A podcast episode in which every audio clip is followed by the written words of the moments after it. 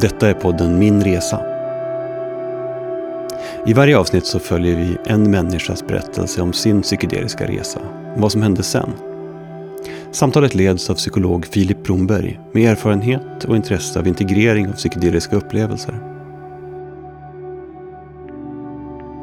Psykedeliska upplevelser har ibland en förmåga att ge nya perspektiv på livet och den berättelse vi har om oss själva. I Eriks fall innebar det bland annat nya insikter om olika försvar och flyktbeteenden och blev början på en personlig resa mot att ta bättre hand om sig själv. Det här är hans berättelse. Välkommen Erik till podden Min Resa. Tack så mycket. Du är här idag för att berätta om en upplevelse som du hade för ungefär 6-7 år sedan med, eh, med LSD som hade en väldigt stor inverkan på ditt liv. Och jag skulle gärna vilja börja med att ge lyssnarna lite en, en bild av den Erik som hade den här upplevelsen. Så kan du berätta lite om dig själv och, och din bakgrund till att börja med? Eh, jajamän. Ehm, eh, jag ska väl säga att vid det tillfället så hade jag redan gjort ganska mycket arbete med mig själv. Eh, men jag har liksom haft eh, problem med psykisk ohälsa i, ja, så länge jag kan minnas. Jag kan väl säga någon gång sedan 14-årsåldern jag började ha depressioner. Eh, men jag har liksom aldrig riktigt men, förstått att det är det jag hade utan att ja, men det, det har varit liksom tufft i perioder men jag har alltid hållit det för mig själv. Eh, inte ens mina föräldrar visste om eh, hur jag mådde. Eh, och vid den här punkten, när den här händelsen, eller när, när jag hade min upplevelse, eh, så hade jag liksom gått igenom väldigt många skeenden. Eh, jag hade, har många gånger i livet så brutit upp helt. Eh, efter gymnasiet, när det började bli riktigt tungt, då eh, flyttade jag till Stockholm och började liksom ett nytt liv med ny utbildning och så bara, ja men det här är mitt liv nu. Eh, och eh, det var ju jättebra ett tag. Det var superpositivt, jag hade jättemycket energi, jag var jätteglad, mycket festande, lösa förbindelser. Eh, men det höll ju liksom inte. Utan det blev liksom en ny rutt. Det gick neråt och neråt och neråt. Och så sa nej men nu bryter vi upp här. Och så flyttar vi vidare till nästa ställe. Eh, och gjorde så i flera omgångar. Eh, bland de sista där var att jag liksom... Eh, jag tog min cykel och en ryggsäck och flyttade till Gotland. Eh, jag hade ett sommarjobb på Knipin. Det var det jag hade där liksom. Eh, och bodde i mina vänners kontor ett tag. Men det blev ju också en vändning i livet och det blev jättebra. Och sen så började det bli dåligt ja, men då bestämde jag mig för att nej, men jag är inte i tillräckligt bra form. Det är liksom, min kropp mår dåligt, därför mår jag dåligt. Så det bara, jag ska cykla till jobbet varje dag. Så då cyklar jag två mil enkel väg. Men det är också bra att löpträna, så då löptränar jag när jag kom hem. Och det är också bra att styrketräna, så styrketränar jag också. Och det är ju jätteviktigt med kosten. Så att, och avokado, det är jättenyttigt. Och körsbärstomater är jättenyttigt. Ja, men då äter jag bara det. eh, och mådde ju, trodde jag, fantastiskt liksom. Hade ju, ja, liksom inget kroppsfett överhuvudtaget. Kunde ju springa hur länge som helst. Eh, men det ledde ju också till världens krasch. Alltså, det är inte nyttigt. eh, och så här höll jag liksom på. Fram och tillbaka, fram och tillbaka, upp och ner. eh, och fick jobb sen. Eh, eh, lite mer permanent på Gotland som personlig assistent. Eh, och det passade mig jättebra. Eh, det blev första stabila punkten. Eh, jag har de här vännerna som jag har lärt känna på Gotland eh, som eh, eh Eh, har produktionsbolag för film. Eh, och det är det som jag är utbildad inom också. Eh, och det var ju liksom jättekul. Men med kreativt arbete kommer ju också drogliberalism ofta hand i hand. Eh, började röka cannabis ganska så frekvent. Eh, det var liksom ja, men det första jag gjorde när jag kom hem från jobbet tills jag gick och la mig. Var jag ledig, då var det det första jag gjorde direkt när jag vaknade på morgonen. Eh, aldrig när jag skulle iväg och jobba, men, eh, men all annan tid. Eh, och det passade ju mig jättebra. Det var liksom ett sätt att, att, eh, att hantera alla känslor liksom. Eh, men sen blev, gick det över till att prova andra grejer. Eh, blev, provade eh, olika former av centralstimulanser. Alltså, eh, jag var liksom game på nästan allt. Eh, men sen av mina närmaste vänner där, han sa liksom, han, att han, han bara, jag har fått tagit på lite LSD. Vill du ta det med mig? Jag bara, ja, definitivt. Eh, och så var det så här, ja men då har vi ett strand på Gotland där vi bodde. Eh, jättefin strand. Eh, stenstrand. Det är en varm, solig dag. Ja. Och vad, vad, visste du om LSD då innan du skulle pröva det för första gången? Vad tänkte du kring hur det skulle bli och, och intention och sådär? Alltså jag läste ju på ganska mycket egentligen innan alla olika saker jag testade. Eh, det finns så här trip, trip reports. Fanns det någonting som jag var jättemycket inne på. Men just LSD-trippen var annorlunda från de andra. Eh, för att men vi planerade verkligen det som en fin dag. Eh, jag ville att det skulle vara mer än bara ha roligt. Men jag ville också att det skulle vara roligt. Eh, sen av själva upplevelsen, hur det skulle kännas i kroppen, så hade jag någon slags, vad ska man säga, typ som film och tv. Det här man pratar om mönster och ja, någon slags så här 70-tal tecknad grej liksom. Men vi hade ju ändå så här förberett med att vi hittat någonstans där vi skulle få vara i fred. Vi skulle hitta att vi hade vänner med oss som, som inte eh, trippade. Men att det sen skulle få ta oss dit det tog oss. Mm. Och hur blev upplevelsen? Ja, alltså den blev ju helt livsförändrande.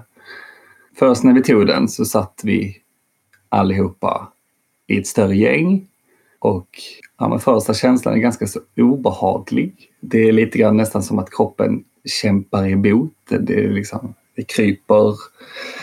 Eh, och jag tänker, nej det här, det här var inte alls kul.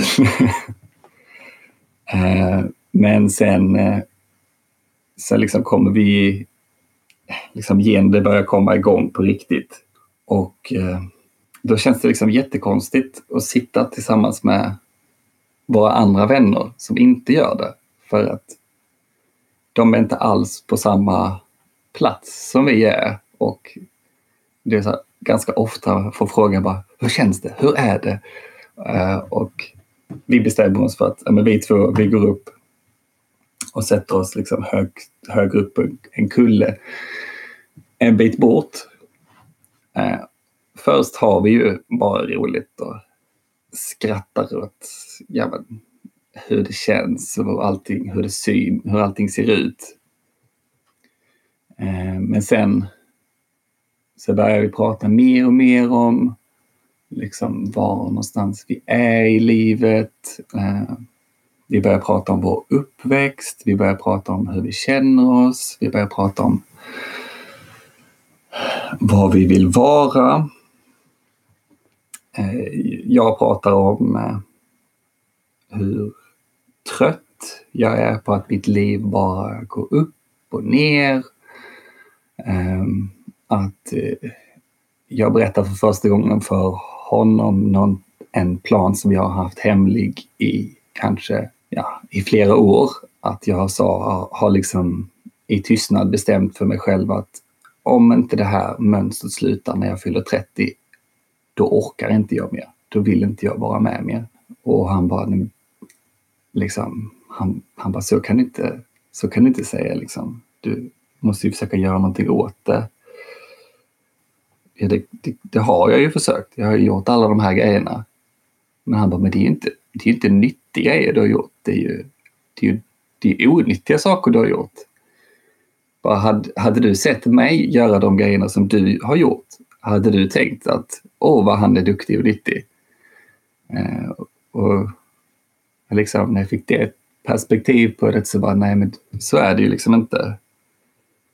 Eh, och sen började vi prata, vi börjar prata livsutskådning.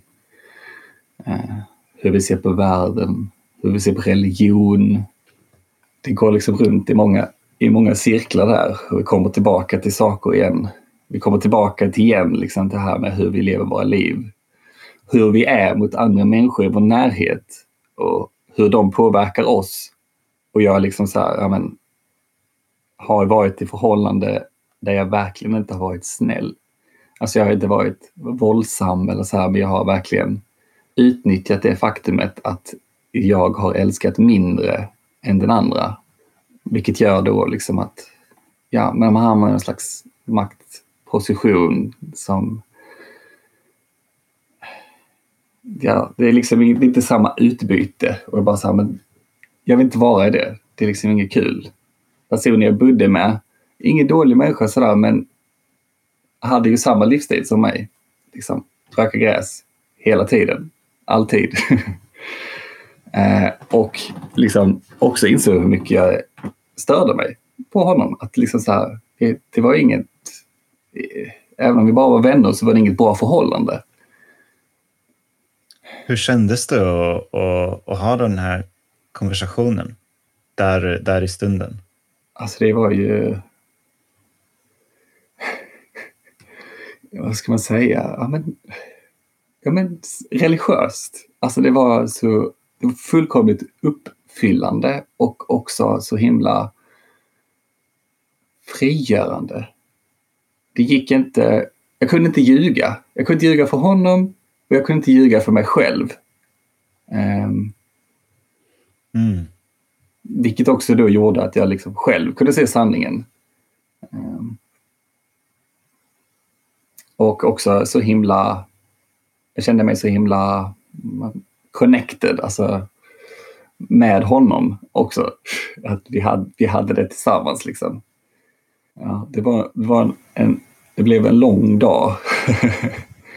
jag tror någonstans att vi fyllde på och tog en andra dos också och fortsatte prata ganska långt ut på kvällen.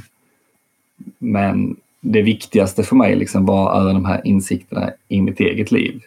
Att mitt beteende inte har varit bra. Att, att förhållanden i min omgivning inte funkade så som de borde. Men jag stod ju stilla och jag rörde mig inte mot det hållet jag ville röra mig. Och jag, vi gjorde på då, innan vi åkte därifrån, en överenskommelse om att vi skulle hjälpa varandra. Eh, komma närmare det livet vi vill leva, men också den världen vi vill leva i. Vad fint. Så det var en, en lång dag med, med mycket meningsfulla samtal. Ja, ja, verkligen. Hur upplevde du att det var sen efteråt att, uh, att gå tillbaka till det vanliga livet, så att säga, att konfronteras med vardagen? Jag kände ju att jag hade ny energi igen. Eh, jag hade liksom en ny plan. Jag har haft väldigt många planer, men det här kändes, lite, ja, men kändes annorlunda. Jag berättade för den, den andra kompisen jag bodde med, bara så här, jag vill bara hitta mitt eget ställe att bo på. Och det gjorde jag. Och liksom började med det. Jag började mer och mer sätta fingret på mina beteenden. Alltså jag började aktivt så här, okej, okay, ja, men nu är jag på väg att göra den här grejen. Var, varför gör jag det liksom? Bara så här, ja, men nu är det så här, nu sover jag inte igen. Så här, nu har jag inte sovit på två dagar. Jag är ute och, och gör alla de här grejerna. Bara så här, det här är liksom inte bra. Och sen hade jag ännu en vän som bara så här, men nu, nu måste du söka hjälp. Alla grejerna du berättar för mig här nu, så kan du inte ha det. Så då gjorde jag det och började söka hjälp. Och sen så eh, efter liksom några vändor eh, så fick jag min bipolära diagnos. Och eh, det var ju verkligen den, den sista nyckeln då. Och jag bara, aha, aha. ja men okej, okay, jaha, det här förklarar ju jättemycket. Eh, och började med medicinering, började med terapi, först samtalsterapi, sen KBT, sen ACT och sen liksom i hela det här så träffar jag på en dejt, Tinder-dejt, en, en kvinna som jag tycker är fantastisk. Eh, som jag idag är gift med. Eh, och har, har två barn med. Det blev liksom, det blev, blev väldigt bra. Men jag började också ändra min syn på mitt jobb. Alltså, innan tänkte jag, ja men liksom personlig assistent, det, gör man verkligen världen bättre då? Jag har ju fått nytt perspektiv på det också och det är ju, jag gör ju världen bättre eh, för en person. Och för den personen kan jag göra mitt, mitt yttersta liksom, för att den personen ska få ett så värdigt och fullt liv som möjligt. Eh, och det är också tillräckligt. Det är också ett sätt att göra världen bättre på. Man måste inte åka i en gummibåt och jaga oljetankers. Liksom. Och att jag liksom kunde må bra i även det, även om den andra delen också är viktig. jag blir nyfiken på eh, relationen till, till vännen som, som var med där den dagen. Jag är nyfiken på om ni har stöttat varandra och, och hjälpt varandra så som, ni, så som ni sa. Ja, alltså Ja, absolut. I det närmaste. De, de följande åren som kom därefter, då, då var vi verkligen med varandra, stöttade varandra i kanske tre, fyra år. Eh, men sen blev ju mer och mer min fru mitt nya stöd. Och också, vi fick barn, vilket gör att så här, det, vi är fortfarande med i varandras liv vi pratar fortfarande om livsutskådningar. Eh, det är fortfarande stöttning, men inte på samma plan som det var precis efteråt. Och det var ju precis efteråt vi, vi behövde varandras stöd på, på det viset. När du ser tillbaka på, på den här processen som du, har, som du har gått igenom så får jag intrycket av att du har lärt dig väldigt mycket om dig själv kanske delvis genom den här eh, LSD-upplevelsen som gjorde att du blev mer medveten om olika mönster som du hade till exempel och fick ett nytt perspektiv. Mm. När du ser tillbaka på livet, livet innan, eh, vad tror du var liksom eh, problemet eller, eller orsaken? Alltså mitt, mitt, mitt, mitt stora problem var väl egentligen framförallt eh, alltså min psykiska ohälsa som jag inte ville erkänna att jag hade eller liksom alltid bara så här, skulle kämpa mig igenom. Bara så här, ta sig ut på andra sidan och liksom göra allt för att hålla sig fast vid manin. För den är ju, är ju magisk. alltså, den är ju det, men inte på ett bra sätt. Och hade det inte varit för LSD så tror jag aldrig att jag hade fattat att det går att bryta mönstret. Vad ska man säga? Jag hade nog, det hade nog funnits många saker jag inte hade kunnat erkänna för mig själv. Jag hade inte kunnat erkänna mig själv att jag inte alltid var en snäll människa som var snäll mot andra människor och gjorde snälla saker. Jag hade nog aldrig erkänt att jag faktiskt behövde hjälp. Jag hade nog inte levt, tror jag inte. Mm. Jag, jag var väldigt trött innan och hade ju, ja, jag var, jag var på väg att, att få spiralen att gå liksom helt ur kontroll. Mm. Tack för din berättelse, Erik. Det har varit jättefint att, att lyssna idag.